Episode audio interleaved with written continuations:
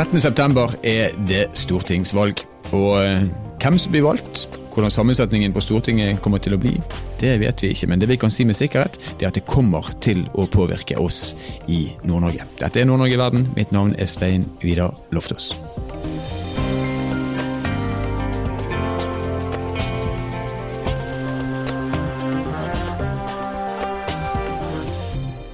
Hvordan kommer Stortinget til å se ut etter 13.9?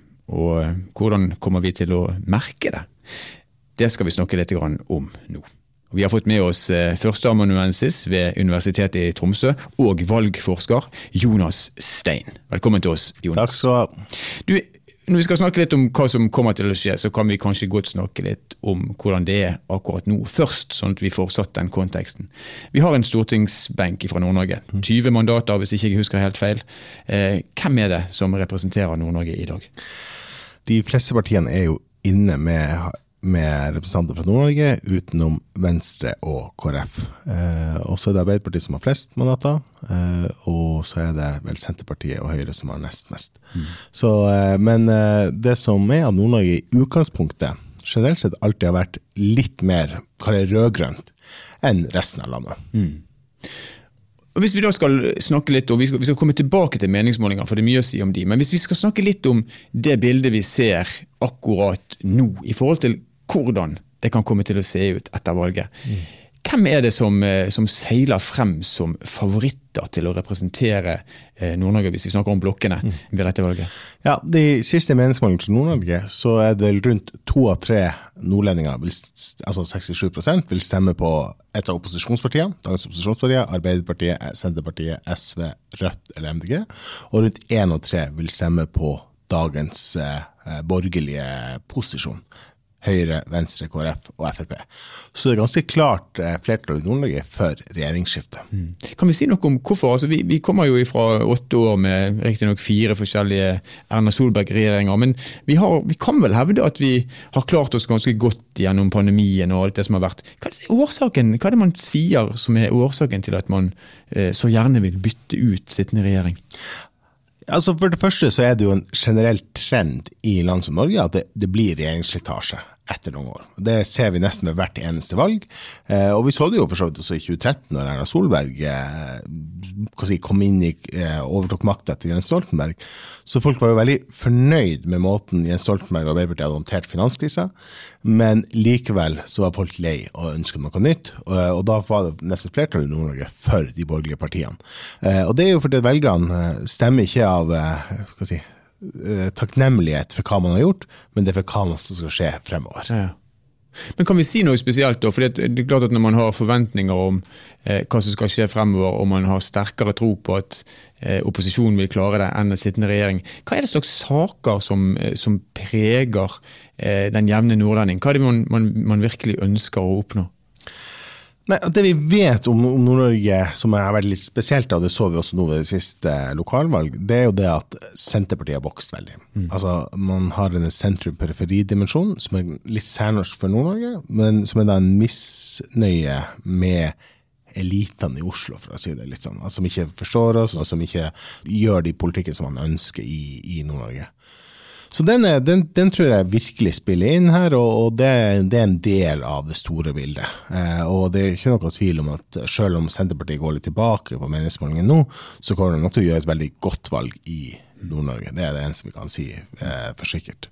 Men sentrum-periferi, hvis vi skal se i detalj på, eh, på, det som er konkret av misnøye, så jo, snakkes det mye om mislykka reformer. Vi snakker om denne regionreformen, vi snakker om politireformen osv. Mm. Eh, og så har vi et Senterparti på den ene siden som er ganske tydelig på at de skal reversere det. Så har vi Arbeiderpartiet som sier at de skal lytte på folket.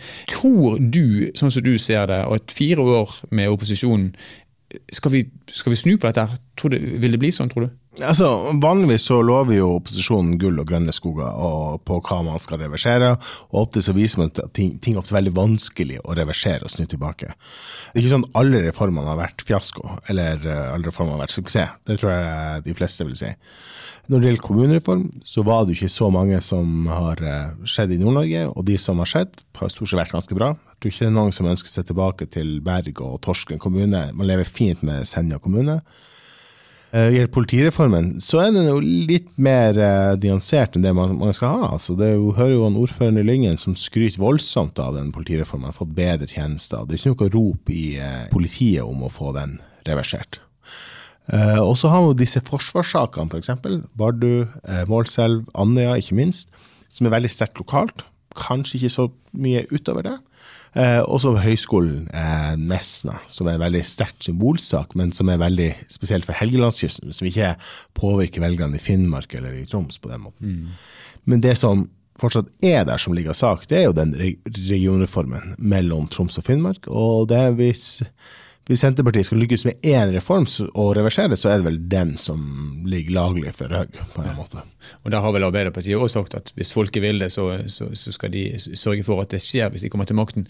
Men allikevel så er det, det er en ting som jeg ikke klarer å få til å altså Når jeg summerer, så klarer jeg ikke å få det helt til å stemme. fordi at de plassene du nevner, Andøya, Bardu, Nesna, mm. det er små plasser. Eh, og Nord-Norge har 485 000 innbyggere. De aller fleste av de bor jo i de store byene. Hvis du summerer de store byene, så har du flertallet av menneskene. Er misnøyen, eh, den sentrum-periferi-misnøyen, er den sterk også blant velgerne i de større byene? Det er også noe som kan mobiliseres også i de større byene, ja det er utvilsomt. Eh, og det tror jeg du møter mange folk i, i Tromsø som, eh, som, vil si at eh, deg og dem søringene forstår ikke oss, eller når du har eh, kontakt med ja, Oslo-pressa skriver bare om ting i Oslo, de bryr seg ikke om ting i eh, Nord-Norge og Tromsø. Mm. Det er bare å gå og ta en tur ned i Storgata, så får du prate med dem. Så det er forskjellige altså sentrum-periferi, det kan være både Tromsø mot omlandet, og det kan være Tromsø mot Oslo. I, ja, og kanskje aller viktigst at det faktisk er regionene. Altså, det er ikke, det er ikke, det er ikke by-land det er forskjellig fra by-land. Tromsø er jo, men, og Bodø er jo urbane byer med masse urbane, men det ligger også en sånn misnøye. Du, du kommer jo fra Bergen, og du vet jo det, det er lett å mobilisere mot litt misnøye mot Oslo også i Bergen. Ja. Ja. Det, det, er helt rett. Stakkars Oslo de, de, kan mobiliseres mot nesten hvor som helst ifra. Eh, men hvis vi skal gå inn på andre konkrete saker som har vært med på å eh, kan si, skape interesse eller gjøre folk irriterte, eh, se bort fra de store reformene, så har vi jo en ganske nylig sak, nemlig fordeling av vaksiner nå under pandemien. Mm. Hvor stor påvirkning har et sånt grep som det Erna Solberg sin regjering gjorde med å omfordele vaksinene? Hvor stor påvirkning har det? Uh, og Det her er jo sånn klassisk, det kan, det kan settes inn i en sånn sentrum-periferi-debatt, og da er det veldig lett å mobilisere motstand på det. Uh, og det er kanskje veldig har litt effekt når det står på, men akkurat nå så vasser vi jo nesten i vaksiner. Mm. Og det blir vaksinert med full fart, og i løpet av fem uker så skal hele Norge være fullvaksinert. Eh, og, og, da blir ikke overraske meg om vi får uka før valget, så kommer Erna Solberg og holder pressekonferanse om at nå skal Norge gjenåpnes, og prøve å mobilisere litt. Og du legger jo merke til at opposisjonen snakker ikke noe om korona i denne valgkampen. Det er fullstendig borte. De vil ikke ta det opp. Eh, det er vel fordi at eh, når, nå ser det ut at vi er på vei ut av det, i hvert fall en viss grad, og folk får vaksinen, og det, normaliteten begynner så smått å gjenoppta seg. Du, En ting som vi er helt nødt til å snakke om, og som jeg tror mange med meg lar seg eh, forvirre av, det er meningsmålinger. Der vi før i tiden kanskje stolte på meningsmålingene og så at meningsmålinger, og særlig valgdagsmålinger, eh, gjenspeiler det endelige resultatet, relativt eh, nært i hvert fall, så er det nå, den tiden vi lever i nå, så er det store sprik. Vi så det spesielt under valgene i USA. Hvor mye kan vi stole på de meningsmålingene som vi nå får servert, og som spriker egentlig nærmest fra dag til dag? Det korte svaret er at vi kan stole ganske mye på dem. Men det som er at Du må kanskje se på snittet ofte av, eh, ofte av målingen, og det vil være naturlig variasjon. ikke sant? Altså SV kan bli målt på 6 den kan bli målt på 9% og så vil man se ofte, men også så vil snittet gi en ganske god mm. pekepinn på omtrent hvor det er. Og Det som kanskje er eneste litt problemet med norske målinger, de gir av og til en følelse av at man er mer presis enn det man egentlig klarer å være. Fordi at man måler SV til 8,4 mens i andre land ville man sagt at det er åtte. Mm. Og grunnen til at vi er veldig opptatt av desimalene i Norge, det er fordi at vi har en sperregrense. Som betyr ganske mye for hvem, hvor stor gruppen blir på, på Stortinget. Mm. Det betyr mye. Er, er Venstre på 3,8 eller er den på 4,2? Det er nesten umulig å vite med meningsmåling. Men uh, det betyr ganske mye for om de får to representanter eller sju-åtte representanter. Mm. Og det er jo det som faktisk avgjorde 2017-valget, var jo at Venstre og KrF kom over sperregrensa, mens MDG og Rødt kom under sperregrensa. Så på tross av at opposisjonen fikk flere stemmer, så fikk Erna Solberg og, og Company flertall på Stortinget. Ja. Og Derfor vi er så opptatt av, av sperregrenser og sånne ja. ting. Si noe om sperregrensen, Jonas. Hvorfor har man en sperregrense, og hvordan utslag gir den? Eh, det er jo fordi at vi skal ha et eh, parlament, altså et storting, som i stor grad gjenspeiler eh, hva velgerne har ønsker, hvilke preferanser er det velgerne ønsker. Eh, og eh, Hvis vi har mange valgkretser, små valgkretser, sånn som vi har i Nord-Norge Finnmark har bare fire representanter, Troms har fem representanter, Nordland har åtte, litt flere. Så ville det ikke vært vits å stemme på mindre partier. Mm. Ikke sant? Du egentlig har redusert valgfriheten til nordnorske velgere. Så enten må du ha Arbeiderpartiet, Høyre eller Frp, kanskje. Og nå skal få Senterpartiet. Og det gjør at du kan stemme på det partiet du er mest enig med, og så teller det inn i den store nasjonale potten. Og så for de som kommer over 4% så får de delta i fordelinga av de her 19 utjevningsmandatene som skal sørge for at Stortinget samla sett blir gjenspeiler hva velgerne i hele Norge har ment. God forklaring der. God voksenopplæring. Men vi skal gå tilbake til meningsmålingene. fordi at Jeg har flere spørsmål når det gjelder de. Eh, og Et av de det er at når vi spør folk, det gjør jo også vi fra Kunnskapsbanken, eh, så opplever vi ofte at mange sier at de er sliten av meningsmålinger. De blir oppringt av meningsmålingsbyråer som skal vite alt fra eh, hvordan mat du spiser, til hvor du foretrekker å reise, og selvfølgelig da når det nærmer seg valg, så er det hvem har du tenkt å stemme på. Og mange sier at vi svarer ikke mm. meningsmålingsbyråene når de ringer oss. Hvordan kan man allikevel da vite at de svarene man i sum får, faktisk representerer det som er, er det reelle bildet? Ja, og det er jo holdt på å si, det er noe av svakhetene med meningsmålinger at du ikke alltid får, får et uh, representativt utvalg. Og du har kanskje gruppe Altså Hvis det er store grupper man over tid ikke når, så gjør det at man ikke får et representativt utvalg. Altså, mm. um, og Du snakka litt om USA, så, så, er det nok en del av forklaringa i USA at man ikke har nådd i stor grad en del eh, kall det hvite, rurale velgere mm. i, eh, i, USA.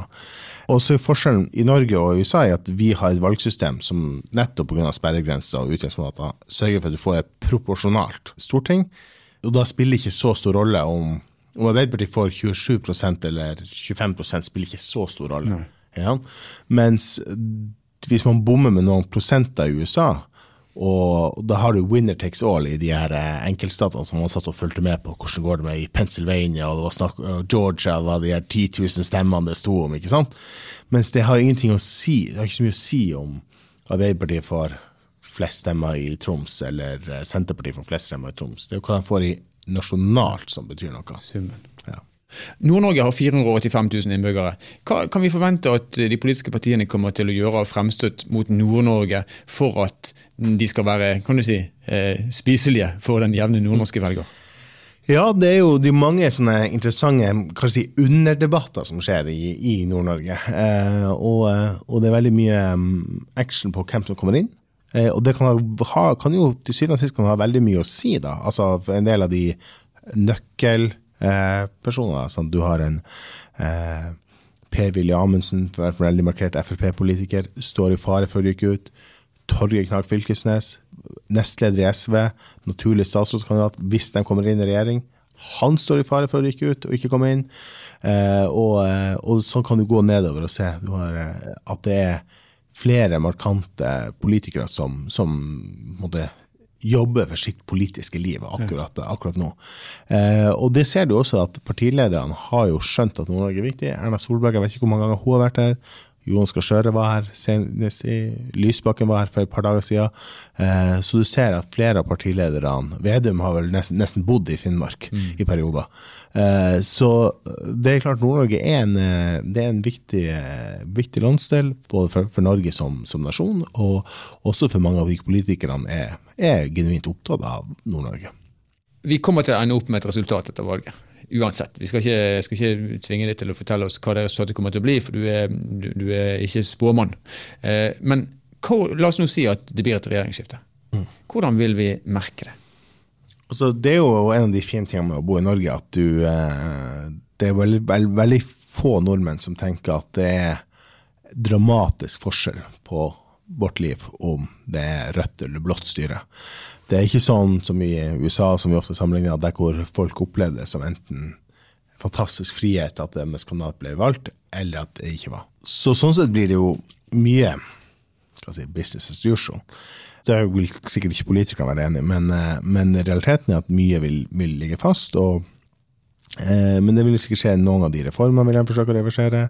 Kanskje det bli litt endringer på skatt. Men mye vil, mye vil jo ligge, ligge, fast. Men det kanskje, vil kanskje være en del sånn symbolske ting som man vil eh, tydeliggjøre. og prøve å, Jonas Gahr er veldig opptatt av nordområdepolitikk. Kanskje vil han prøve å blåse liv i nordområdepolitikk på en eller annen slags måte.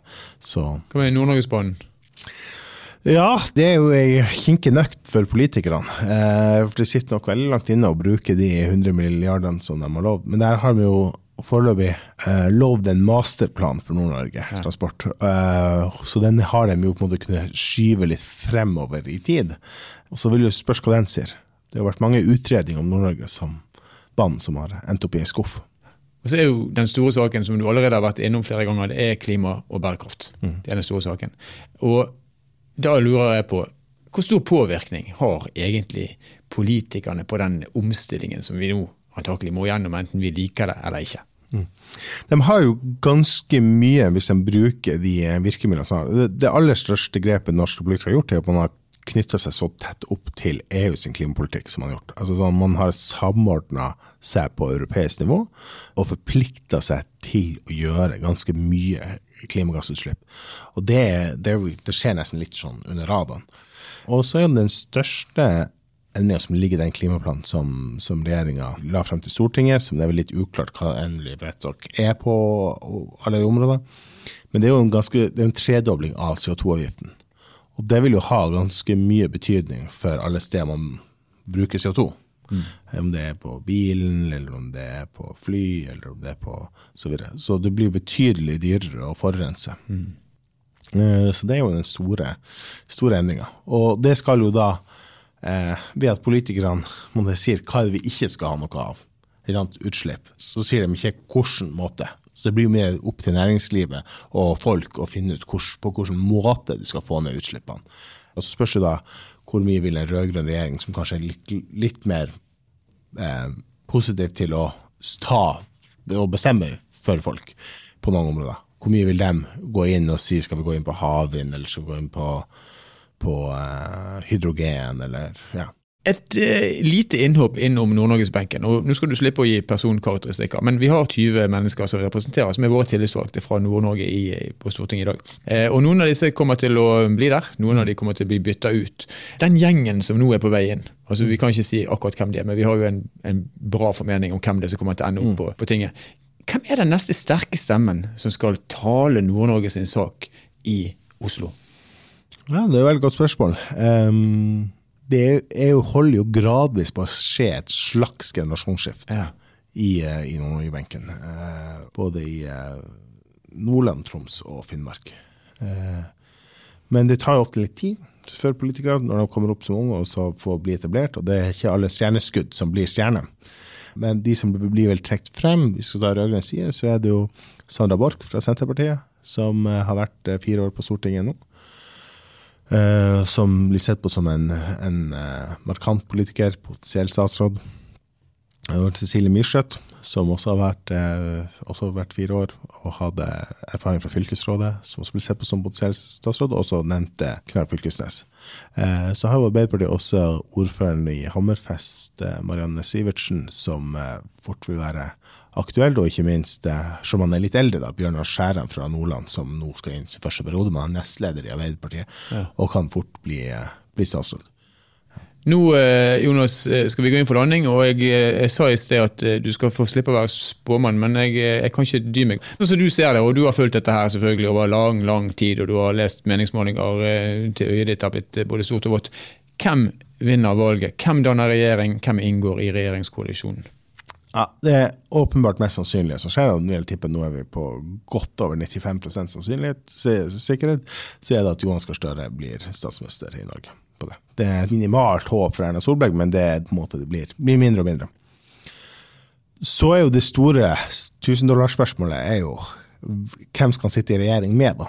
Eh, hvis det går sånn at Ap, Senterpartiet og SV får flertall, de tre partiene sammen, så det kan kanskje være 50-50 om, om, SV går inn. Altså, da vil Arbeiderpartiet ønske at alle tre skal inn. Mm. Senterpartiet vil si at de vil helst bare ha Ap og Senterpartiet, og kanskje kan lage budsjett med SV. Og SV vil da komme i en slags skvis. Altså, hvor, de, hvor mange kameler må de svelge for å gå, få lov til å gå, gå, inn i regjering, og vil det være verdt det? Mm. Hvis disse tre partiene ikke får flertall, og er avhengig av MDG og Rødt, så tviler jeg vel på at verken MDG eller Rødt kommer til å komme inn i regjering. Men da tror jeg nok plutselig både, både Arbeiderpartiet og Senterpartiet vil ha med SV inn i regjering. Fordi at da er det da vil jeg, Hvis han bare mangler et mandat eller to, så kan han kanskje se på kanskje får KrF med på noe hvis de har to representanter, eller Venstre med på noe. Eller, ja. Men det blir spennende, da. Det, og det blir veldig spennende hvem som kommer over sperregrensa og ikke. Og det blir, eh, ikke minst blir det veldig spennende hvem som kommer inn fra Troms. Det, et, eh, det kan plutselig være noen game changere der. Og eh, noen som får sin politiske karriere enten en brå slutt 13.9., eller så får vi et i hvert fall et langt liv den, neste fireårsperioden. Det blir spennende å se. Tusen takk for at du kunne være med oss, Jonas Stein, førsteamanuensis ved Universitetet i Tromsø og valgforsker.